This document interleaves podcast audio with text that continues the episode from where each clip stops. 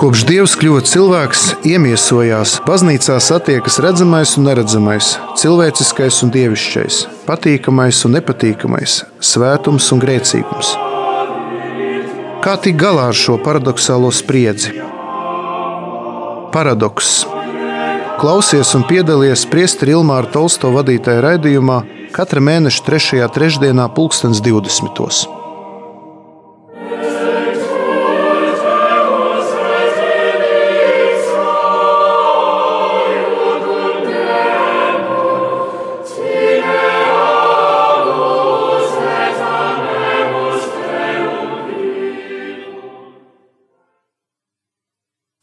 Slavēts Jēzus Kristus, labvakar, darbie radījumi, arī Latvijas klausītāji. Ļoti liels prieks būt šajā mīlīgajā, jaukajā studijā ar jaukiem, mīlīgiem un labi zināmiem cilvēciņiem. Eh, priesteris Pēteris man jau ilgu laiku teica, nu, priesteri Ilmār, kad tu taisīsi kādu raidījumu, rādījumu arī Latvijas nu, pagaidi, pagaidi, man jāizstāv savs darbs. Un tad, kad šis darbs tika aizstāvēts, tad jau, protams, man nekas cits neatlika, kā pildīt arī šo solījumu, ko bija devis priesterim Pēterim, un tā no šo dienu iesākam raidījumu, kas, kuram es arī ilgi domāju nosaukumu, beigās izdomāju paradoks, un šis raidījums ievadīs astoņu raidījumu sēriju, kuras katrā raidījumā aplūkošu kādu uh, svarīgu tēmu. Uh, kas, kāds ir šī raidījuma mērķis? Mērķis ir uh, mazliet pieskarties tēmām, kuras nav tik vieglas, eh, kuras ir pagrūtas, kuras varbūt izraisa sadursmi, kuras rada spriedzi baznīcā, sabiedrībā, un tāpēc eh, ir vērts arī šais visas lietas pārdomāt. Tad šodien mēs eh, aplūkosim tēmu, kas saucās partikulārisms un unifikācija. Aplūkosim vienotības un dažādības jautājumu. Novembrī mēs apskatīsim tēmu par svētiem rakstiem un tradīciju. Decembrī raidījumā mēs aplūkosim tādu tēmu kā ārpus baznīcas no pestīšanas un citas konfesijas un reliģijas. Janvārī mēs apskatīsim jautājumu, kas skar ticību un darbus, gnosticismu un pelagianismu.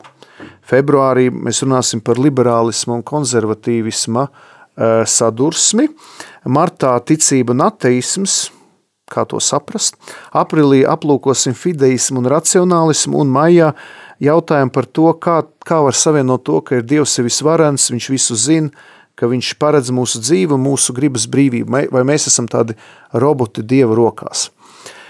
Varbūt daudzi termini, kurus es minēju, jums nav saprotami, bet nebaidieties, laika gaitā mēs arī mēģināsim šos terminus saprast. Arī es centīšos nerunāt tādos svešvārdos, ja kaut kas neskaidrs arī iespējams būs, lai raidījuma beigās otrajā daļā piezvanītu un arī uzdot jautājumus, labprāt arī atbildētu, ja būs kaut kādas neskaidrības jo mana specialitāte ir fundamentāla teoloģija, un tas nozīmē apoloģētika, jeb eh, ticības aizstāvēšana. Un šajā raidījumā mēs ne, saka, ne, ne, nesāksim kaut ko tur aizstāvēt, bet mēģināsim saprast eh, tos jautājumus, kas varbūt nodarbina mūs. Tad šodien mēs ķersimies klāt eh, jautājumam, kas skar um, partikulārismu un unifikāciju, Un ko nozīmē šie divi svešvārdi? Partikulārisms tas nozīmē saistīts ar kādu daļu. Tātad, piemēram, teoloģija saka, ka e, šī mūsu baznīca Latvijā ir partikulārā baznīca. Tas nozīmē, ir universālā baznīca, kas ir visa katoliskā baznīca visā pasaulē, un tad ir šīs universālās baznīcas daļa, kas ir e, katoliskā baznīca Latvijā, un tā tad tā ir šī partikulārā baznīca. Tad mēs esam universālās baznīcas daļa. Un uh, kur tad slēpjas šī spriedze? Kur tad slēpjas šī spriedze? Uh, spriedze slēpjas tanī, kad um, bieži vien ir tāda kā, neteiksim, nesadarība, bet ir jautājums, cik daudz mums ir jāpievērš um, skats, jeb domas uz visu universālo baznīcu, un cik daudz mums ir tā sakot, jārūpējas par uh, lietām, kas skar tikai mūsu vietējās baznīcas dzīvi. Un tāpēc, uh, lai labāk izspra, izskra, izskaidrotu šo problemātiku, uh, tātad es apskatīšu divas tādas uh, katoliskās baznīcas slimības, kuras radās zināmu apstākļu rezultātā, un kuru ārstēšana, jeb, jeb dziedināšana notika arī baznīcas vēsturē. Pirmo es aplūkošu tādu um, lietu, ko sauc par gallikānismu, bet viņu var saukt arī par konciliārismu, episkopālismu. Vēl ir um, ebionītisms. Nu, tie ir tādi termini, kas norāda to, ka bija tendence uh, kādu partikulāru, ja vietējo baznīcu, ne, ne uzreiz atdalīt no Romas, no visas universālās baznīcas, bet tā kā autonomizēt, kad eh, kāda vietējā baznīca gribēja būt autonoma no visas pārējās universālās baznīcas. Un ehm, tāds gallikānis, tāds saistīts ir ar Gallu baznīcu, tā tad ar, varētu teikt, Francijas baznīcu, un eh, Francijas baznīca, eh, viņa nevarēja pieņemt tādu problēmu, ko sauc par Cezaro papismu. Tas nozīmē, ka baznīca saplūda ar laicīgo varu, Un eh, baznīca tā kā kļuva pakļaut ne tikai Francijas karalim, bet caur Francijas karali arī uh, Svētās Romas impērijas galvai, kas bija pāvests. Un uh, franču bīskapi, franču ticīgie jutās tā kā apspiesti, neuzklausīti, nesadzirdēti un vēlējās lielāku autonomiju. Starp citu ļoti interesanti, ka arī mēs jau pagājušajā svētdien esam uzsākuši sinodālo ceļu, un es arī tam pieskaršos, jo sinodālais ceļš arī ir kā atbilde uz Eh, kaut kādiem infekcijas perēkļiem, kas nāk no šīm problēmām, par ko es runāšu. Tātad galikānisms tātad radās eh, tātad viduslaiku beigās Francijā kā doktrīna, bet nekad oficiāli netika viņa tā kā apstiprināta. Un notika tātad Francijā pārāk liela jurisdikcija, nu, pāvests kā jurisdikcijas persona, kā, kā laicīgs valdnieks. Un, un, un, un Parīzes Sorbona, tātad Sorbonas universitāte kļuva par tādu centru, kas mēģināja ne tikai izstrādāt do, tādu doktrinālu jeb teoloģisko pamatu šādam, šādam jautājumam, bet vēlējās tātad radīt šo te e, autonomiju un savā veidā decentralizēt, nacionalizēt, padarīt baznīcu vairāk nacionālu, vairāk brīvu no Romas, tā sakot, virskundzības. Protams, kad e, jāsaprot to, ka blakus galikānismam arī veidojās konciliārisms un uh, Es arī paskaidrošu, no kurienes šī problēma radās. Tad, kad eh, Kristus nāca šajā pasaulē, viņš vēlējās dibināt baznīcu un arī dibināja baznīcu. Visa Jēzus dzīve bija teoloģiski sakot, eklezija radoša, tas nozīmē ar, ar domu dibināt ekleziju, dibināt baznīcu.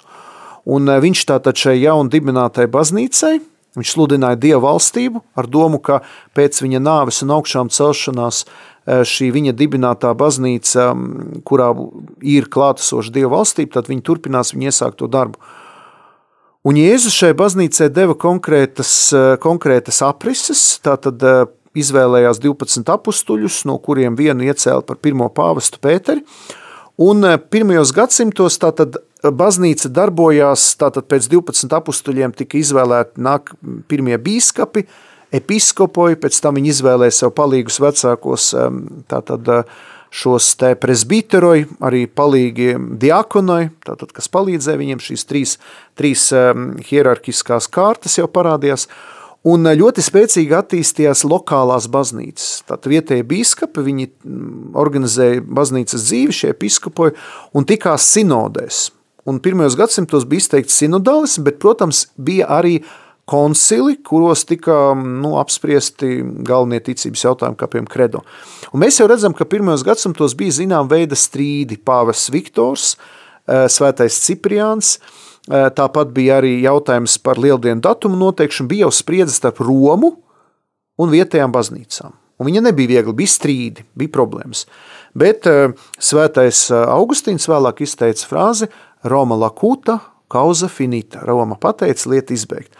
Un savā veidā pāvesta vara jau no, jau no pašiem pirmsākumiem bija klātesoši, bet, protams, ka gadsimta gaitā viņi vēl vairāk centralizējās, unificējās. Un jau sasniedzot karolīngu laikus, tātad 9. 10. gadsimts arī vēlāk visi pārējie mūsu slavenie pāvesti, tātad ļoti spēcīgi darbojoties, tātad tā pāvesta vāra jeb centralizācija notika arvien spēcīgāk un spēcīgāk.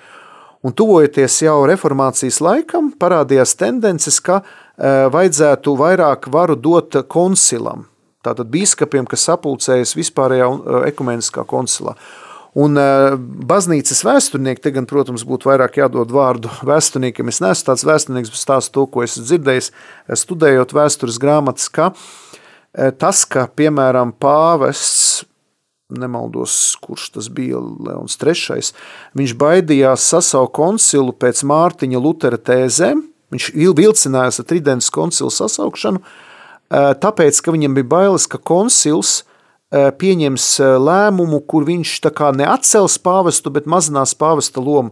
Jo tajā laikā bija arī antipāvesti, bija liela pāvestības, ja pāvesta varas krīze. Un tāpēc, baidoties no šī konciliārisma, ka koncils kļūs, eh, kļūs vadošais pār, pār, pār pāvestu, radās šīs paniskās bailes. Protams, ka konciliārisms, gallikānisms, arī e, šī nākamā, e, nākamā tātad daudz šīs te, tādi maldi, viņi tika, varētu pat teikt, uzvarēti triumfāli Vatikāna pirmajā koncilā, kas e, norisinājās 1869. un 1870. gads, un tika pasludināta dogma par pāvesta nemaldību. Ja. Bet eh, mēs vēlāk redzēsim, kad eh, radās eh, arī līdz ar to nākamā problēma, ka baznīca tika pārāk unificēta, baidoties no baznīcas decentralizācijas, no, no, no, nu, no tā saucamā konciliārisma, vai no partikulārisma, vai no nacionālo baznīcu veidošanās, radās otrā problēma, kas bija pārāk liela unifikācija. Par to mēs varētu parunāt pēc īsas pauzes muzikālās, lai mazliet pārietu no šī galikānisma, konciliārisma tālāk uz nākamo e, jautājumu. Radio Marija Latvija.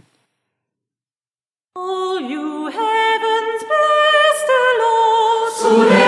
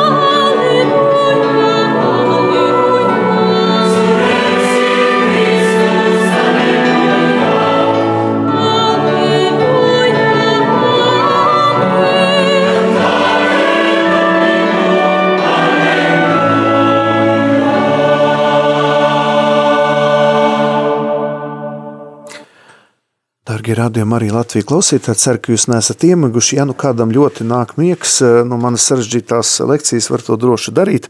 Apsolu, ka raidījuma turpinājumā es nolaidīšos drusku zemes no šiem vēsturiskiem un tādiem mazliet abstraktiem faktiem, bet redzēsiet, ka beigas būs interesants un sapratīsiet arī, kāpēc es to visu sāku raidījuma otrajā daļā varēsiet arī zvanīt uz studiju, ja jums ir kādi jautājumi. Un es domāju, ka tad, kad es pie, pieskaršos tādām praktiskākām lietām, jau tam, kas skar mūsu baznīcas dzīvi Latvijā, varbūt arī kādam radīsies jautājumi, un arī pēc tam, ja jums rodas kādi jautājumi, jūs varat arī man personīgi zvanīt, Eh, priesterim Ilmāram Tolstovam un arī eh, uz manu telefonu vai arī eh, skatīties blogā, ir, ir, ir koordināts arī uz e-pastu rakstīt tātad vai Facebookā, tātad ir, ir, ir iespējams arī uzdot jautājumus, kas skars nākamo tēmu.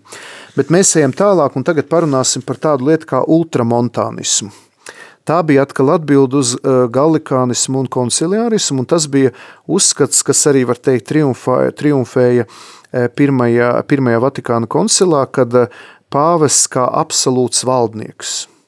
Tātad pāvests, eh, kurš ne, nemaldās, nekļūdās nevienā brīdī, un kad varētu teikt, tā bija arī atbilde uz reformāciju un, un tāds, varētu teikt, pieplakšana spēcīgāk pie, pie, pie pāvesta, meklēt atbildi uz šo febronianismu, jozefīnismu un arī uz jansenismu. Tātad kaut kādā veidā tāda katoļu radikāla atbilde uz visām tām problēmām, ko, izra, ko izraisīja šī partikulācija, vēlme separēties, autonomizēties, nacionalizēties. Jā.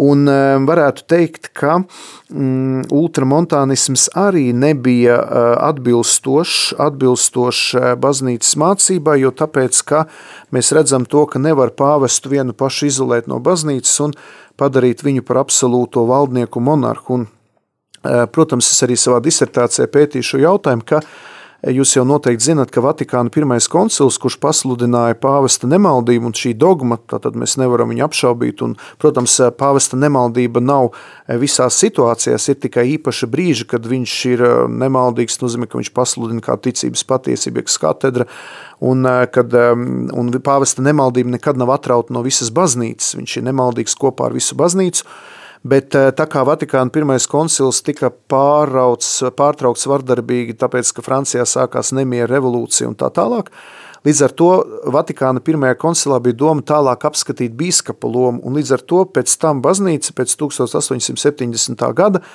varētu teikt, mazliet sašķobījās tādā ziņā, ka tika ļoti izcelta pāvesta loma un baznīca tika uztverta kā tāda milzīga vertikāla hierarhiska piramīda. Tas nozīmē, ka pāvests ir kā valdnieks, pēc tam ir bīskapi kā viņa padotie vikāri, vietnieki, vasaļi, un tad seko draudzes, kuras ir absolūti padotas bīskapam. Veidojas tāds monarhiskais vertikālisms, kas, protams, noderēja kaut kādā veidā cīņā ar modernismu herēziju, par ko mēs arī noteikti runāsim, ne, ne šodien, ne šajā raidījumā, bet no otras puses tas ļoti bloķēja katra katoļa, katra priestera, katra bīskapa ja tā var teikt, zināma veida autonomiju. Un tāpēc eh, Vatikāna otrais koncils, viņš tā kā pabeidza Vatikāna pirmā koncila iesāktās domas un no, noveda viņas līdz galam, līdzsvarojot eh, universālismu ar partikulārismu, līdzsvarojot pāvesta varu jeb eh, kalpojumu funkciju ar visu bīskapu kalpojumu, līdzsvaroja attiecības starp pāvestu un bīskapu kolēģiju un arī um, parādīja to, ka uh, baznīcā nevar būt uh, tikai šis te unifikācija vai tikai partikulārisms. Un, lai varbūt uh, paskaidrotu tādā vienkāršākā tautas valodā, šeit ir jautājums par to, cik liela varu um, nu, um, sev tā kā paņem Roma, un te es varu teikt, ka Pāvests Francisks, ka viņš kļuva par pāvestu, viņš vienā no savām uzrunām uh, pateica, ka tad, kad viņš bija Buenos Aires arhibīskaps, tad viņš vairākus gadus gaidīja, kad Roma apstiprinās lūkšanu grāmatiņu. Un tad viņš teica, vai patiešām Romā ir vajadzīgs, Romai vajag risināt tik daudz nebūtiskas lietas, vai nebūtu laiks pienācis vienu daļu funkciju, kas ir, ko Roma ir paņēmusi tā kā uz sevi, deleģēt vietējam bīskapam, vietējai, vietējai diecēzi. Un šobrīd šis process, ko mēs saucam arī kaut kādā ziņā par sinodālismu, arī notiek. Tātad pāvests vēlas, lai lielāka vara, lielāka autonomija tiktu uzticēta vietējiem bīskapiem, vietējai diecēze. Un tālāk, atkal, ja skatāmies diecēzes līmenī, tad arī diecēzē, ja bīskapam arī viņš mēģina nodeleģēt kaut kādu ziņā, kaut kādas funkcijas prāvestiem vietējās draudzēs, lai viss nebūtu jārisina bīskapam vai kūrijai. Un pateicība Dievam, ka baznīca paredzējusi tādas, varētu teikt, līdzdalības formas, kā piemēram priesteru padomu, konsultoru kolēģi. Tas nozīmē, ka biskups tiekās ar priesteriem ikmēneša priesteru konferencēs. Tātad no vienas puses, jā, mēs esam pakļauti, mēs paklausam un patiesībā katrs prāvests draudzē ir kā bīskapa roku pagarinājums, jo draudzi jau nevada tiešā veidā prāves. Bīskaps ir īstais draudzes vadītājs, tikai bīskaps savu varu ir deleģējis prāvestam. Un šī delegācija nozīmē, ka vienu daļu funkcijas, kas ir viņam, ko Dievs viņam uzticējis caur šo dievišķo iedibinājumu, jo bīskapa amats ir dievišķi iedibināts, tas arī bija Vatikāna otrā koncila tāds auglis, kas, kas tika uzsvērts, ka bīskaps nav tikai pāvesta vikārs, bet kad viņa, viņa Tātad šis kalpojums ir um, apustuliskās pēctības kalpojums, kuram ir dievišķa izcelsme, un bīskaps savu šo varu saņemtu no dieva nodeleģē tālāk prāvestam. Un eh, te ir tas ļoti svarīgi, ka eh, baznīca aicina eh, no vienas puses nenoslēgties, jo atkal šis partikulārisms var novest tiešām tādā sašķeltībā, ka, piemēram, es kā prāvests, dzīvojot savā, piemēram, salaspils draudzē, var domāt tā, nu, bīskaps man ir uzticējis šo varu, viņš ir deleģējis, es to daru, un man neinteresē, vai kas, vai kas notiek ar bīskapu, kas notiek kūrijā, Un bieži vien ir tā, ka um, diecēzi jūtas tādā, nu, neteiksim, atstumta, bet diecēzi ir tāda sajūta, ka prāvestiem un draudzēm neinteresē, kas notiek diecēzē, un ir ļoti grūti draudzes iesaistīt visas diecēzes lietās. Līdzīgi kā diecēzes, piemēram, grūti iesaistīt visas pasaules lietās. Līdz ar to, pat ja um, baznīca caur Vatikānu otro koncilu, caur pāvestu Francisku mūs aicina uz šo decentralizāciju, uz savu veidu partikulārismu. Nu, tas nozīmē e, nodeleģēt to varu uz zemāku līmeni, bet tas nenozīmē, ka mums nav jājūt kopā ar baznīcu. To sauc sensus, sensum ecclesia, sens, sensus fidei. Tas nozīmē just kopā ar baznīcu, e, būt kopībā ar pāvestu, ar bīskapu. Jā, es esmu konkrēts draudzes loceklis vai kopienas loceklis, bet es neesmu atdalīts no universālas baznīcas. Un tas ir ļoti svarīgi, ka, piemēram, konsekrētām personām ir kopīgas tikšanās, jā, ka ir priesteriem kopīgas tikšanās, ka ir kopīgi projekti, jā, ka mēs arī ziedojam, tūlīt eh, sekos eh, svētdienu, kurā mēs ziedojam misijām. Jā. Tātad eh, mēs neesam atdalīti, mēs esam baznīcā, bet, protams, ka baznīca vēlas mums uzticēt zinām veidu autonomiju, lai atraisītu mūsos esošo potenciālu, jo šis te pārlieku liels eh, ultramontānisms, jeb unifikācija, jeb tikai eh, tāda centrālās varas eh, izcelšana var paralizēt mūsu nu, potenciālu, kas mums dots no svētā gara. Jo, piemēram, draudzēja prāves, kurš saka, es visu māku labāk. Es māku remontēt baznīcu, es māku remontēt visu, es te visu zinu, es visu pats izdarīšu. Jums nekas nav jādara, un ziniet, pirms Vatikāna koncila bija tāda izpratne, ka ir tā kā divas baznīcas. Nu, ir viena baznīca, bet kurā ir divas daļas. Viena ir eklēzija, eklēzija auditos, tie ir cilvēki, kas ir sēž solos, tā ir zāles, tā ir baznīcas daļa, kas saucās profānum. Tātad tie ir melnā masa, ticīgie, kas neko nesaprot, viņi nezina latīņu valodu, viņi īsti nemāk lūgties latīniski, viņiem nekas nav jāsaprot, viņiem ir jāklausa prāvas un jāpilda viņa pavēles, ja prāvas tam kaut ko vajadzēs, viņi izpildīs.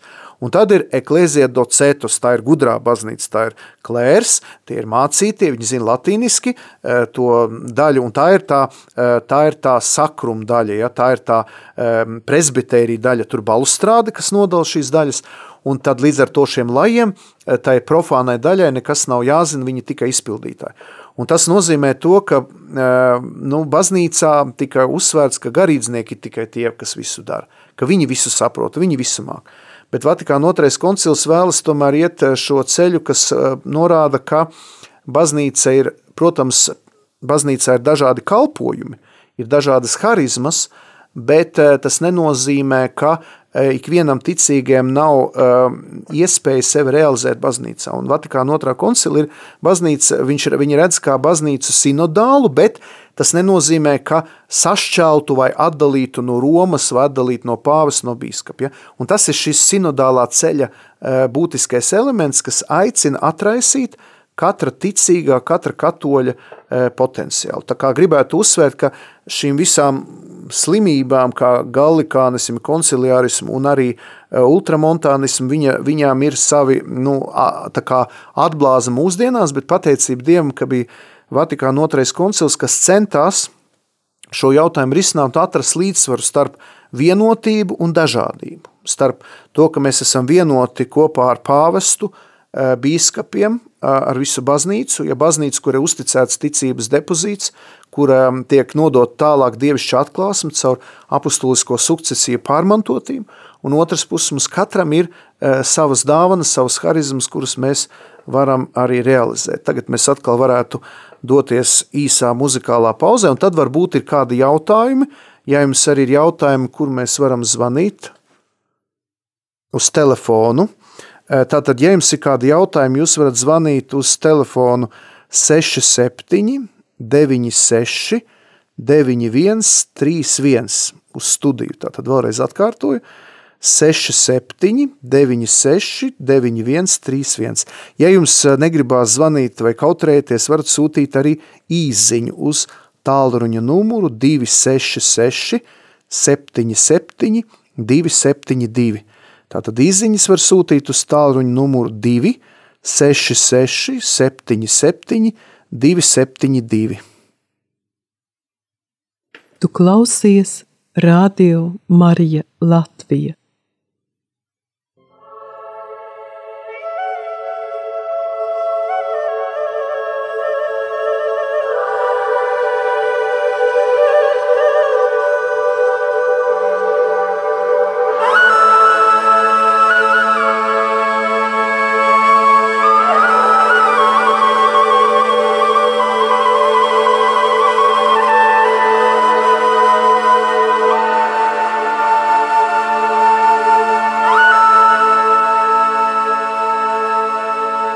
Se ami Dio sopra ogni cosa e il tuo prossimo come te stesso, se ami veramente, realmente, allora certamente non molesterai, né opprimerai, non maltratterai nessuno, in particolare la vedova e l'orfano, non ti comporterai pure da usuraio e se prendi impegno renderai.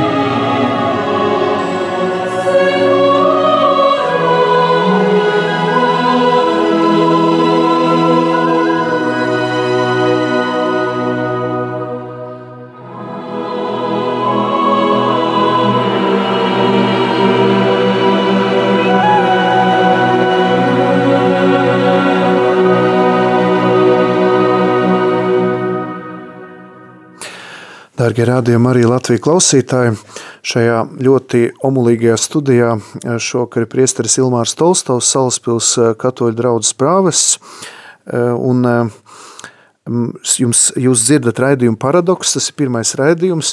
Ļoti daudz jautājumu izskatās, ka nav, laikam tad nozīmē esam iemiguši, tas ir ļoti labi, vajag arī pagulēt, izgulēties.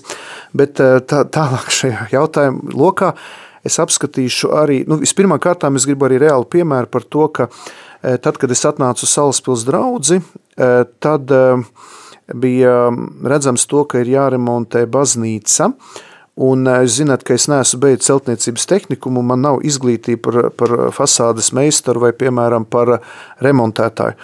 Un ir jau, protams, prāvesti, kas ļoti labi remontē baznīcu un visu darbu, bet es tā nu, nejūtos tik stiprs. Un ko es darīju? E, mēs sākām draudzē izveidot tādu pastorālo padomu, jeb grupu, kurā iesaistās aktīvie cilvēki. Mums sākās tādas regulāras tikšanās.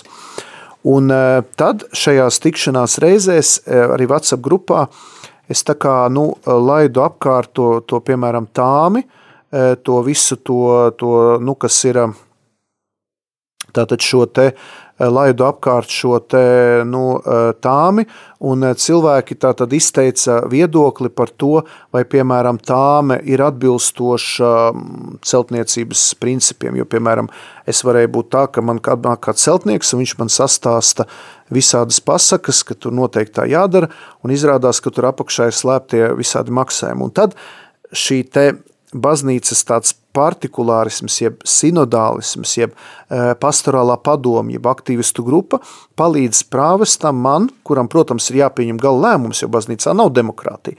Es jau esmu tas, kurš pieņem lēmumu. Man ir uzticēts no bīskapa šī, šī deleģēta šī vara e, un, un rūpes par baznīcu, bet ticīgie cilvēki, tie, kas vēlas, man kļūst par konsultantiem, palīgiem, iedro, tie, kas man iedrošina un arī e, palīdz un, un dara šos saimnieciskos darbus. Tā kā mēs gada laikā nosiltinājām baznīcu, visas četras sienas, tas mums izmaksāja kaut kur 130 tūkstoši, tos, to naudu savāc ticīgie, un tikai tāpēc, ka es visu laiku atskaitījos, dalījos, es nedarīju viens pats, es visu laiku stāstīju, mēs kopā likām galvas, mēs domājam, un lūk rezultāts. Ja.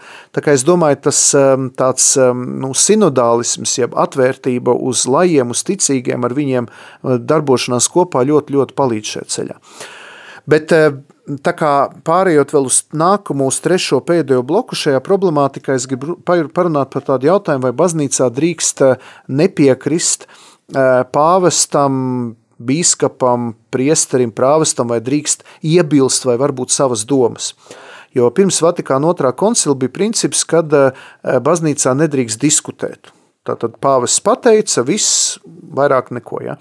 Un šajā spriedzē starp unifikāciju un partikulārismu ietilpst arī šī, šī spriedze starp to, ka no vienas puses, jā, Dievs mums deva atklāsmi, kas nav, kas nav mainām, kas ir nu, Dieva dot, un viņu nevar mainīt, un viņi nav tiesības mainīt ne pāvestam, ne bīskapiem, ne priesteriem, ne ticīgiem, jo mēs neesam atklāsmes autori. Mēs esam dievišķās atklāsmes depozīta sargi, un tie, kuri nemainīgi šo Jēzus doto mācību, nododam tālāk nākamajiem paudzēm bet no otras puses eh, diskutēt ir nepieciešams par šīs atklāsmes, jeb dievišķā depozīta tādu nu, eh, izpausmi, jeb realizāciju, jo bieži vien baznīca pati eh, to nu, sludināšanu vai dievišķās patības tālāk nodošanu nedara, nedara adekvāti.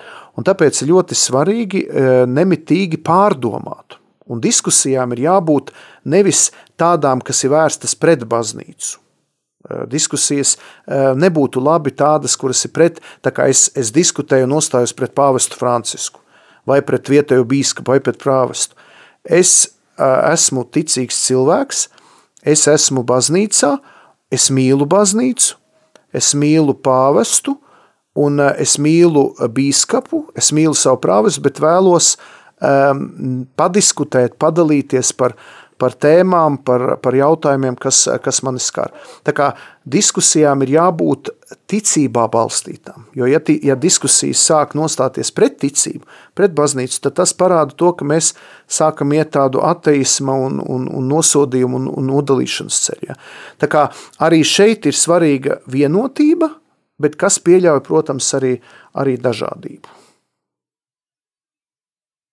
Skatos, ka man ir piedo, piedo, piedots tātad šeit jautājums. Ja?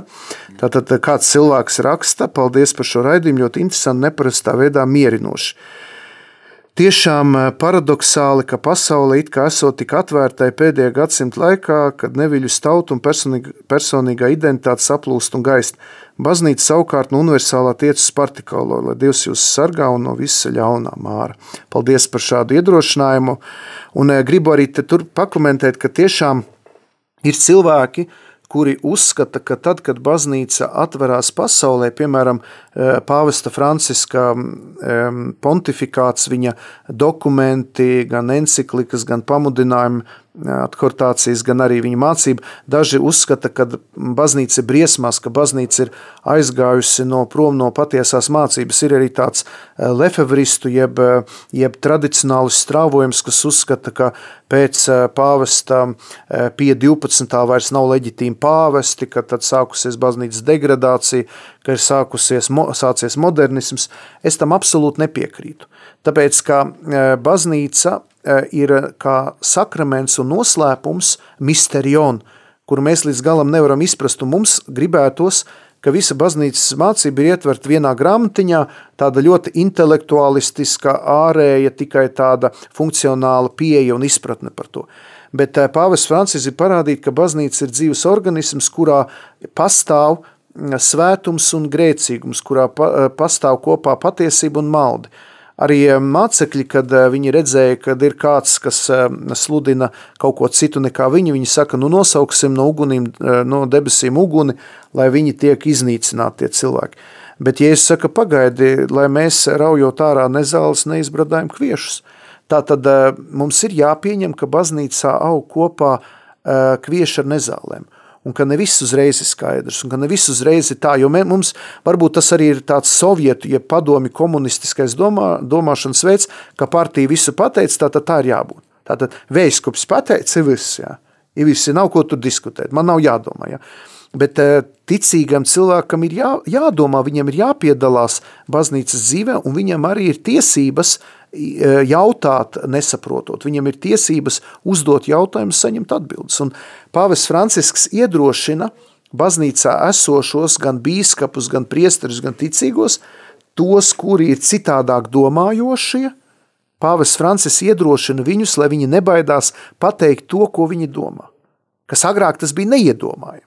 Baznīcā nevajag runāt, nevajag domāt. Viss ir skaidrs, mums viss ir pateikts, mums tikai ir jāskaita potari viss. Ja.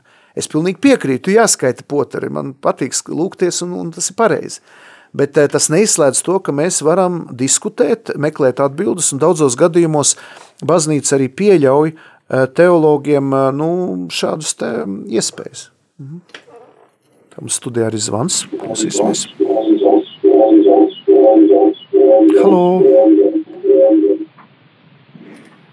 No top savās Jēzus Kristus. Mūžīgi mūžos tikko klausījos uh, priesteri Ilmāru, tu esi mans būtība mūsu ģimenes uh, sarks, es pateikšu godīgi, vai ne? Uh, man ļoti slēnām runāšu, tāpēc, ka es esmu tikko pēc operācijas, vai ne? Mhm. Bet būtībā, ko es gribēju pateikt? Es gribēju pateikt vienu lietu. Saņemamies, mīlam viens otru, ejam viens otram pretī, pasniedzam roku. Kaut ko tādu, tāpēc, ka, cik es saprotu, es šodien biju un es sasniedzu, es atvainojos, esmu desantnieks. Mhm. Kādam varbūt tas liksies aizdomīgi, vai ak, krievu desantnieks. Nē, man šodien neielaid veikalā. Es gribu, lai visa Latvija dzird. Mani šodien neielaid veikalā. Jā, ļoti vienkārši tikai tāpēc, ka, un es arī neiešu neiešu un arī visiem citiem pateikšu. Tikai vien esmu te, tāpēc es nezinu. Man 77, 1977. gadā kaut ko iepotēja. Es nezinu. Tad padomājiet, visi tēti, visi opi. Jā, paldies jums, paldies jums liels par šo, par šo viedokli. Un es domāju, ka te arī redzams ir tas, ka mums arī šobrīd ir šis sāpīgais jautājums, kuram mēs varam arī, protams, mazliet pieskarties par šo, kas skar tagad vakcināciju, nevakcināciju, bet atkal pirmām kārtām, ko saka baznīca, ko saka pāvests, ko saka bīskapi, un, protams, e, mūsu pašu viedoklis un pieredze. Un šeit arī, protams, rodas sadursme, kā saka, veidojas paradoks. Es gan, protams, šim jautājumam atsevišķi raidījumu neveltīšu, bet tas atkal parāda, ka Eh, mēs jau redzam to, ka baznīca ir ļoti saudzīgi. Nu, to, ko dara valsts vai to, ko dara valsts likuma, mēs jau tos nevaram ietekmēt. Mēs jau nevaram ietekmēt cilvēku iespēju iet veikalā vai ne, jo ne jau baznīca to nosaka. Bet no otras puses es redzu, cik mēs Latvijā arī bīskapi tomēr ļoti saudzīgi, iecietīgi. Mēs, protams, mudinam um, saudzēt veselību, rūpēties par to, par sabiedrības kopīgu labumu, bet no otras puses mēs arī neizslēdzam arī citādas iespējas. Tā kā mēs redzam, ka baznīca ir kā tāda māte, gādīga māte, kas mēģina nevis strikti pateikt, tur tā un šitā, balts, melns un tā, jo arī baznīcas iekšienē daudzos jautājumos eh, ir uh, diskusijas un ir neskaidrības. Ir teoloģijā, ir baznīcas mācībā jautājumi, kas rada arī neskaidrības.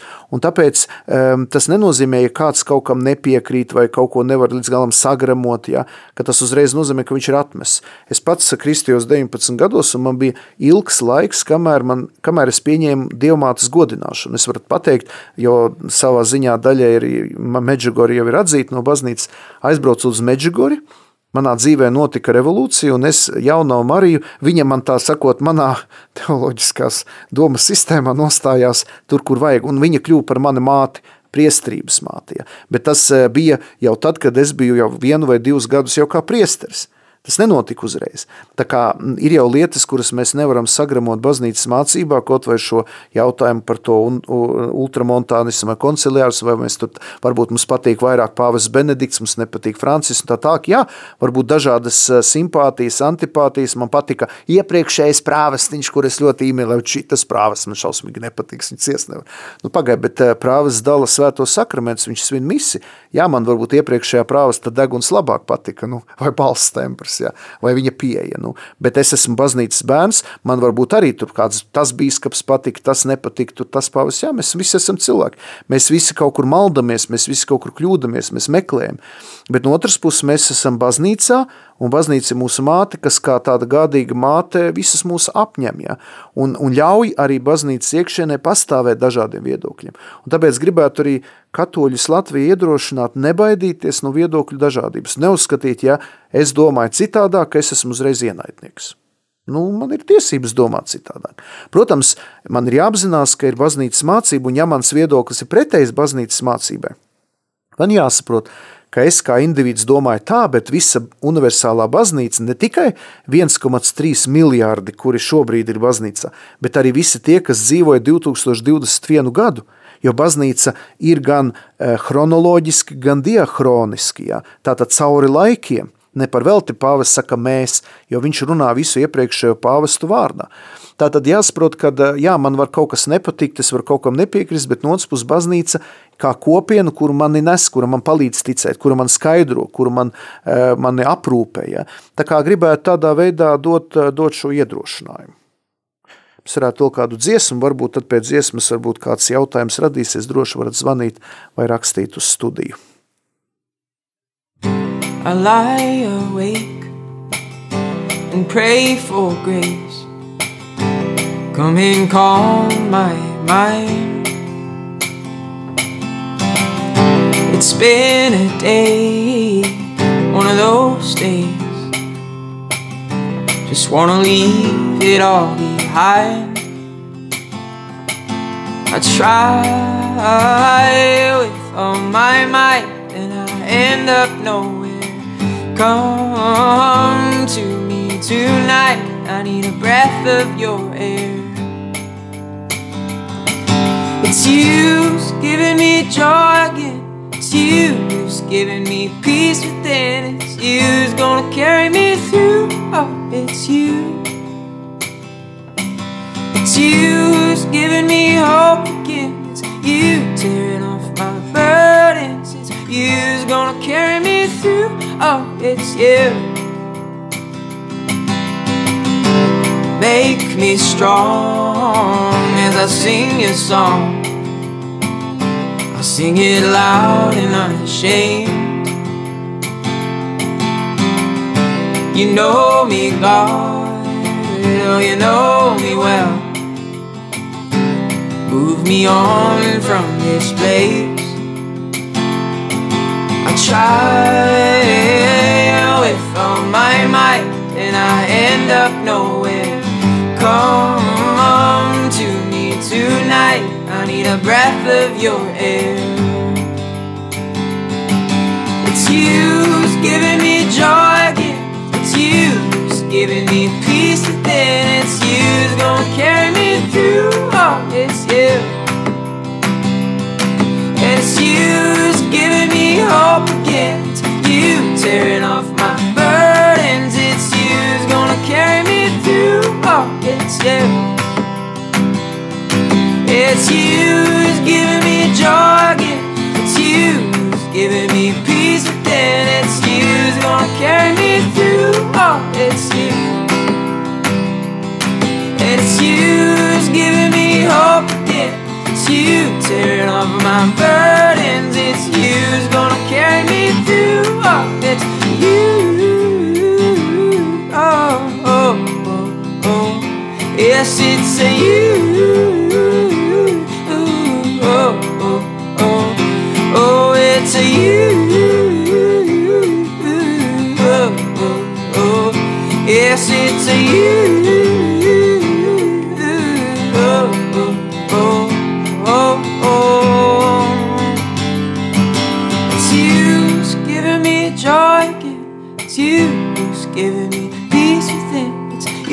Gonna carry me through. Oh, it's you's giving me joy. It's you's giving me peace within. It's you who's gonna carry me through. Oh, it's you. And it's you's giving me hope again. It's you's taking my burdens. It's you's gonna carry me through. Oh, it's you's gonna carry me through.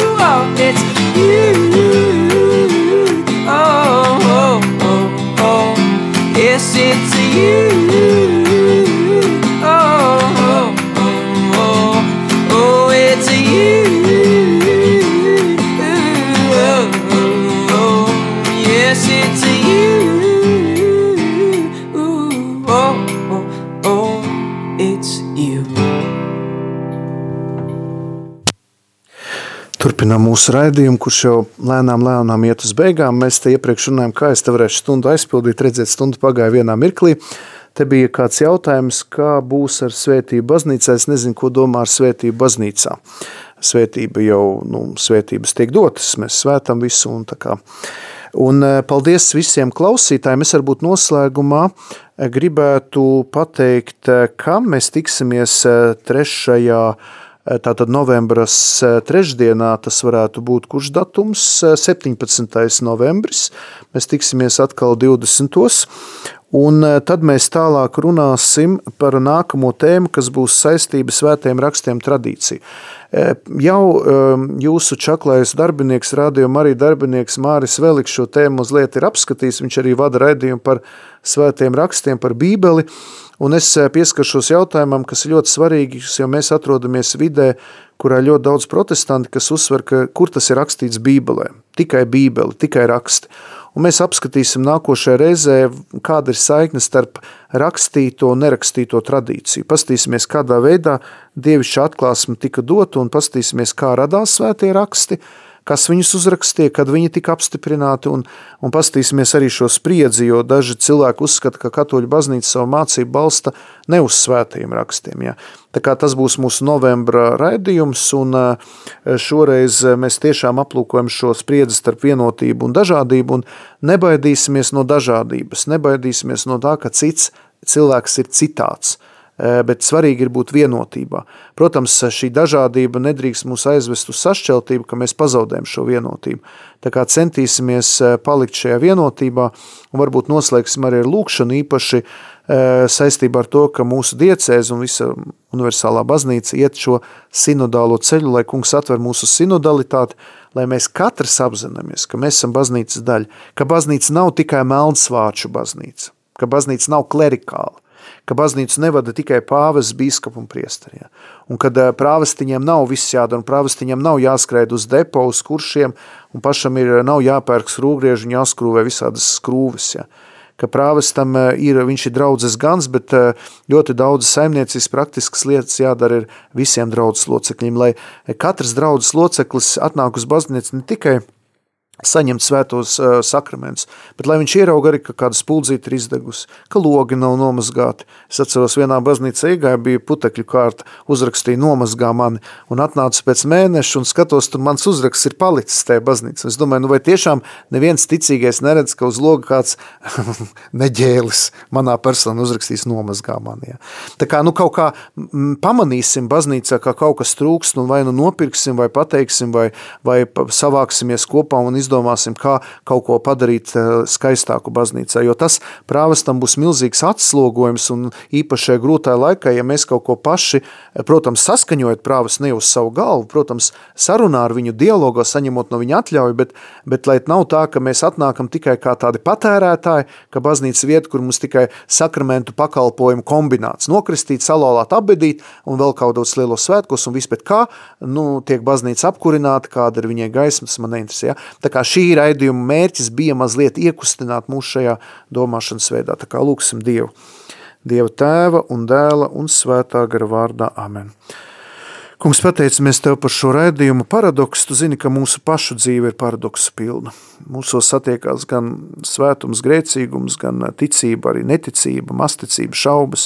Un tu zini, ka mums nav viegli, ka mēs esam šīs pasaules virpulī un mūs, mūsu galvā ienāk dažādas informācijas, dažādi viedokļi, bet kungs sūta par mums savu svēto garu, lai mēs spējam visā šajā dažādībā, šajā, šajā milzīgā informācijas daudzumā satikt tevi, kas esi mūsu vienotības centrs, kas esi mūsu kungs un pestītājs, kas esi nācis šajā pasaulē, nomiris par mums pie krusta augšām cēlies, atsūtījis svēto garu, nodibinājis svēto katolisko baznīcu un dāvājis mums iespēju saņemt mūžīgo dzīvi šeit uz zemes. Tāpēc arī lūdzam Tavu svētību un vadību. Tēvs mūsu, kas esi debesīs, svētīts lai top Tavs vārds, lai atnāk Tava valstīm, Tavs prāts, lai notiek kā debesīs, tā arī virs zemes – Mūsu dienascho maizi dod mums šodien, un piedod mums mūsu parādus, kā arī mēs piedodam saviem parādniekiem, un neieved mūsu kārdināšanā, bet atpestī mūs no ļauna amen. Jaunā Marija, Aglonas dievmāte, arī roža kroņa karaliene, lūdzam arī tavu aizbildniecību. Es sveicināta Marija žēlastības pilnā, kungs ir ar tevi. Tu esi svētīta starp sievietēm, un svētīts ir tavas miesas auglis Jēzus. Svētā Marija, Dieva māte, lūdz par mums grēciniekiem, tagad un mūsu nāves stundā Amen. Dievs kungs, lai ir ar jums, kungs ir ar tevi, lai jūs svētības varnais Dievs tēvs un dēls un svētais gars. Amen. Dieva žēlastība, lai jūs pavada.